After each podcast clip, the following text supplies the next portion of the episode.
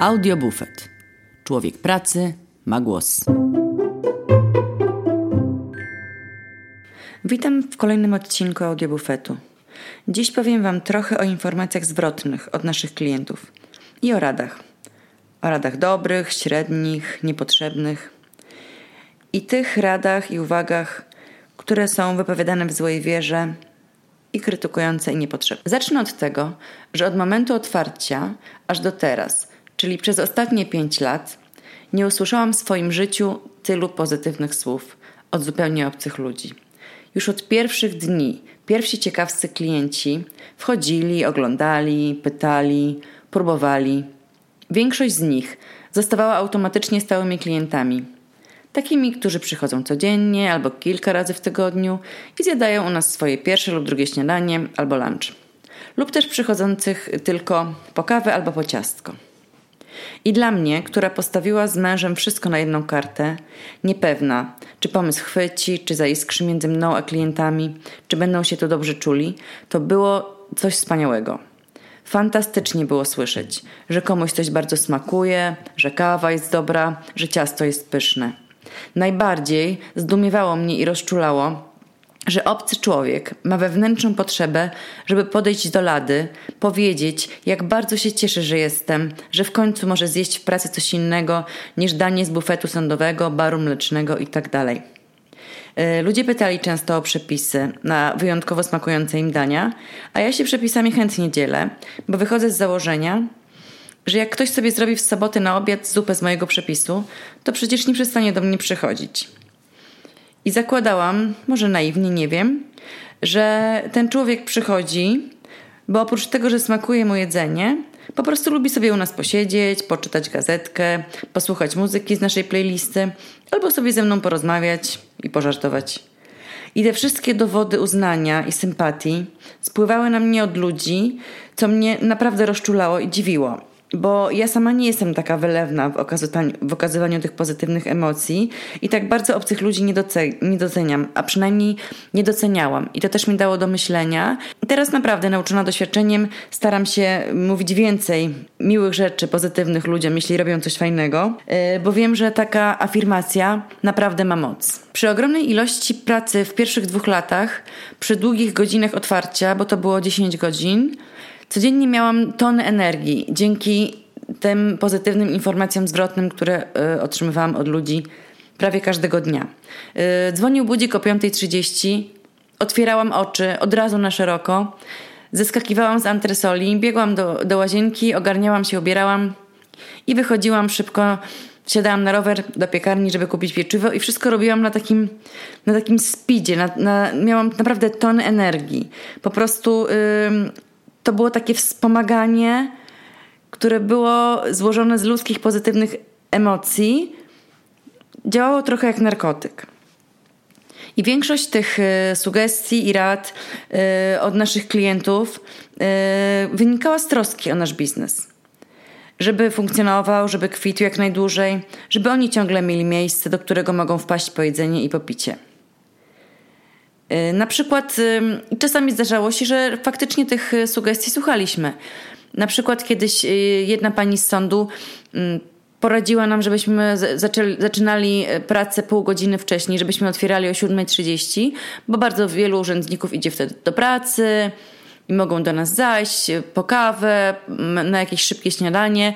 I faktycznie zrobiliśmy tak. Wydawało nam się to sensowne, ale okazało się, później wyszło w praniu, że przez dwa tygodnie tych nowych godzin przez pół godziny nie przyszedł do nas ani jeden klient, więc zarzuciliśmy ten pomysł, bo jednak okazało się, że, że po prostu tak to nie działa w tym miejscu.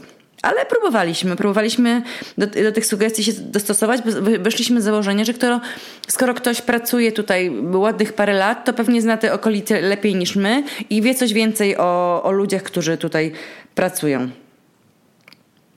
I jedną z najfajniejszych rzeczy z tych informacji zwrotnych było, e, kiedy ludzie próbowali u nas czegoś po raz pierwszy.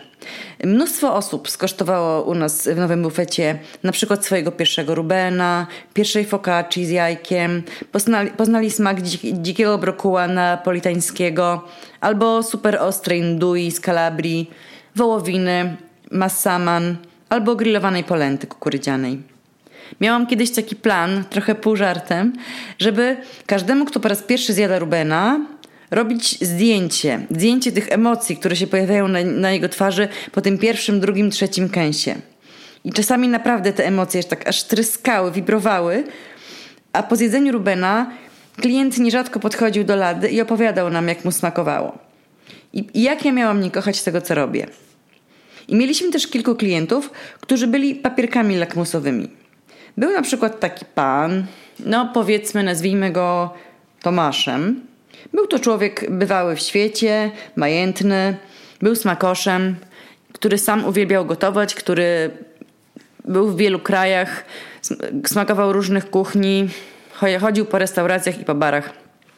I znał się generalnie na tym dobrze.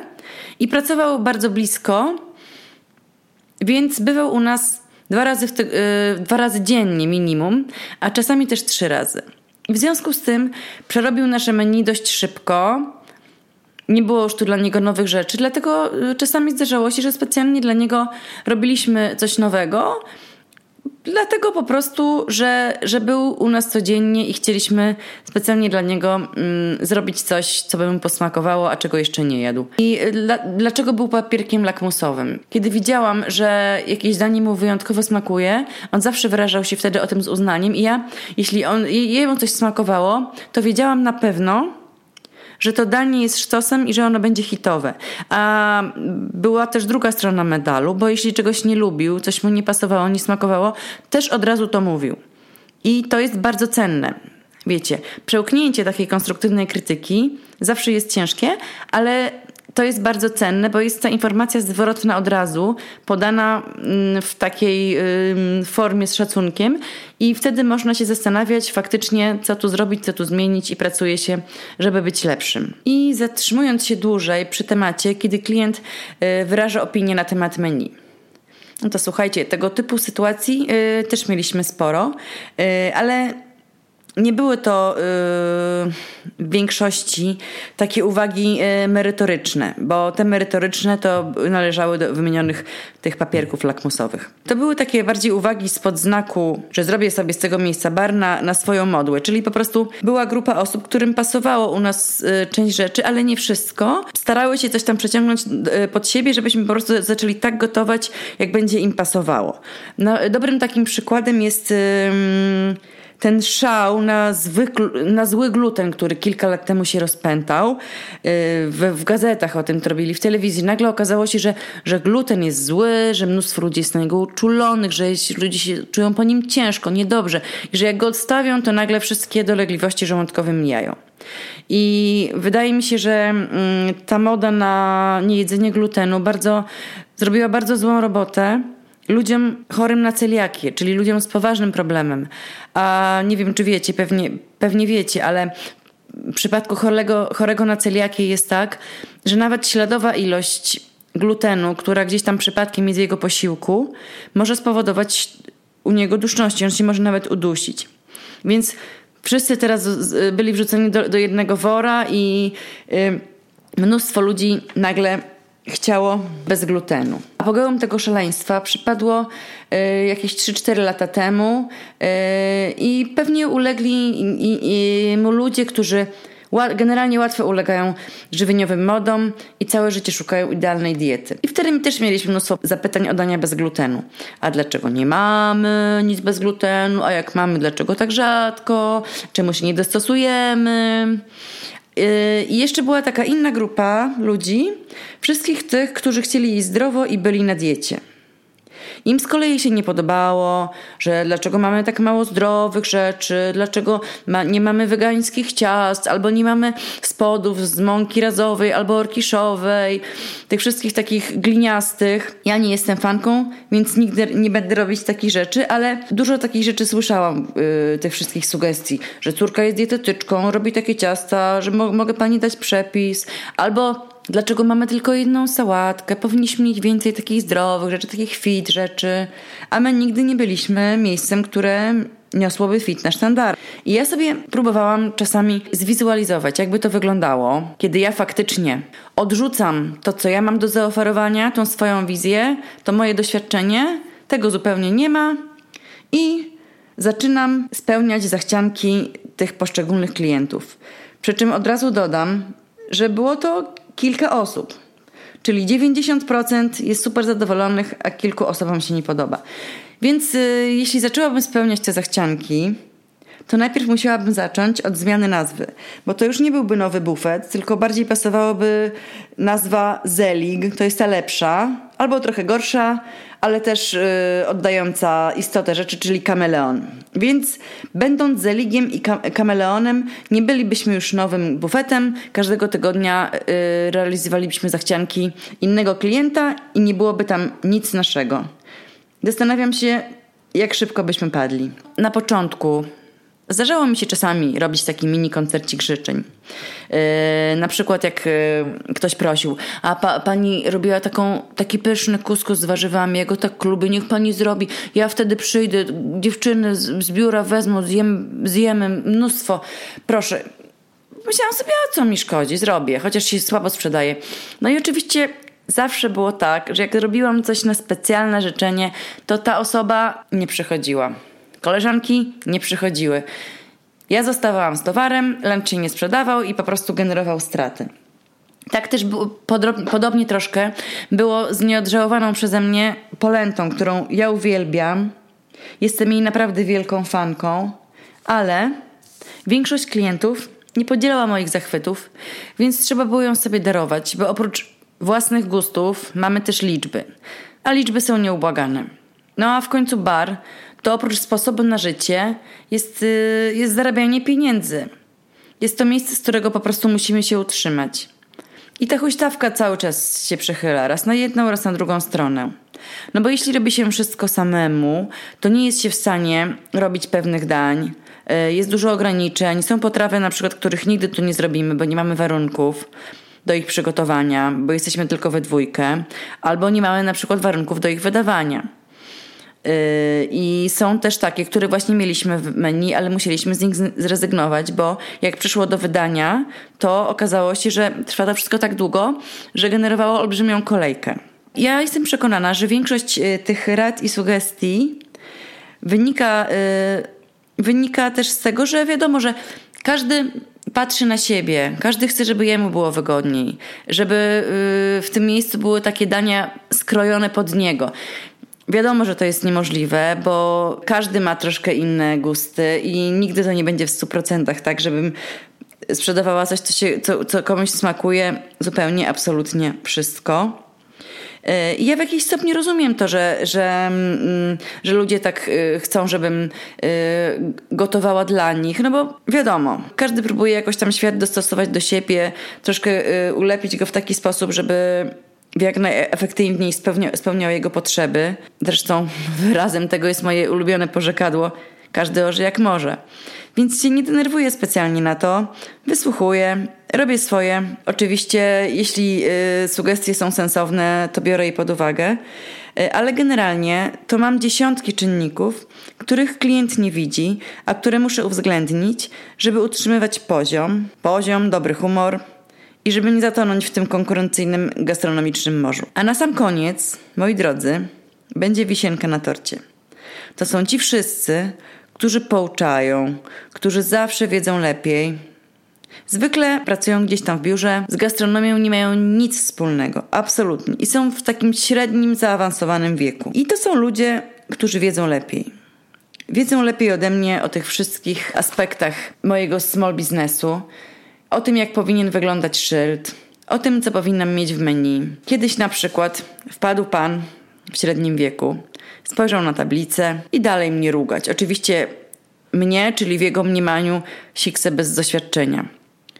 Że to niemożliwe, żebym się tu utrzymała, że co to jest za menu, że on tych rzeczy nie zna i w związku z czym to się po prostu nie sprzeda. No bo wiecie, bo jak pan czegoś nie znał, to wychodził z założenia, że nikt tego nie zna. I że on o, o tym nie słyszał, że tutaj co by się sprawdziło? Pierogi, żurek, szarlotka z lodami. Albo inny pan, też w późnym średnim wieku, z kancelarii po sąsiedzku, przyszedł pierwszego dnia, zobaczył na menu i powiedział, że pokręcił głową.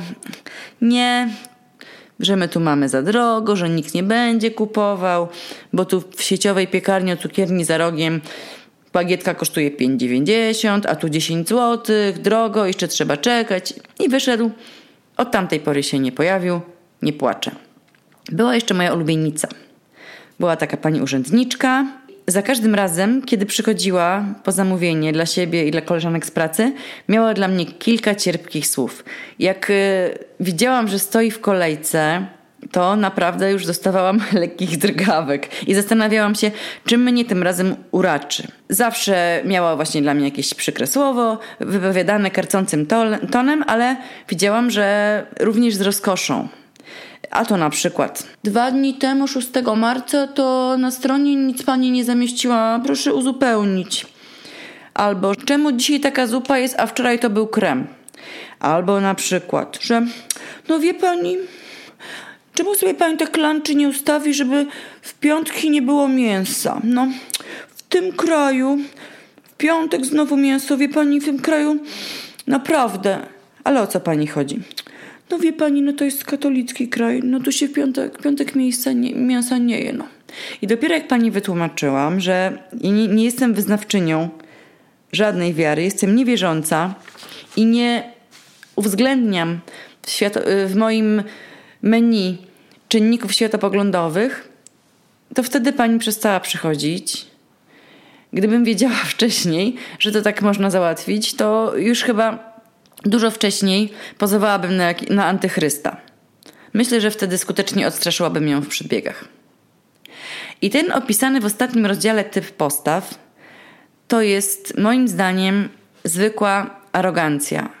To jest po prostu pod pozorem rad, pod płaszczykiem y, porad, y, jest to po prostu rodzaj jakiejś pasywnej agresji, takiego, y, taka krytyka pod, pod pozorem porady. To jest coś, co w ogóle nie powinno się zdarzyć. Ja nie wyobrażam sobie sytuacji, że idę gdzieś i zachowuję się w ten sposób. Jest dla mnie po prostu jakaś zupełna abstrakcja i myślę, że nikt nie spuentuje tego lepiej niż stary dobry Brzechwa, czyli proszę pana, pewna kwoka traktowała świat z wysoka. A notabene Brzechwa w ogóle nie cenił swojej twórczości dla dzieci. Uważał ją za gorszy sort twórczości literackiej i dzieci nie lubił. A my ze swojej strony wszystkim kwokom dziękujemy za uwagę. Konstruktywną krytykę będziemy cenić i brać do siebie, chociaż boli. A za wszystkie ciepłe i entuzjastyczne słowa serdecznie wszystkim dziękujemy. Do usłyszenia. Cześć.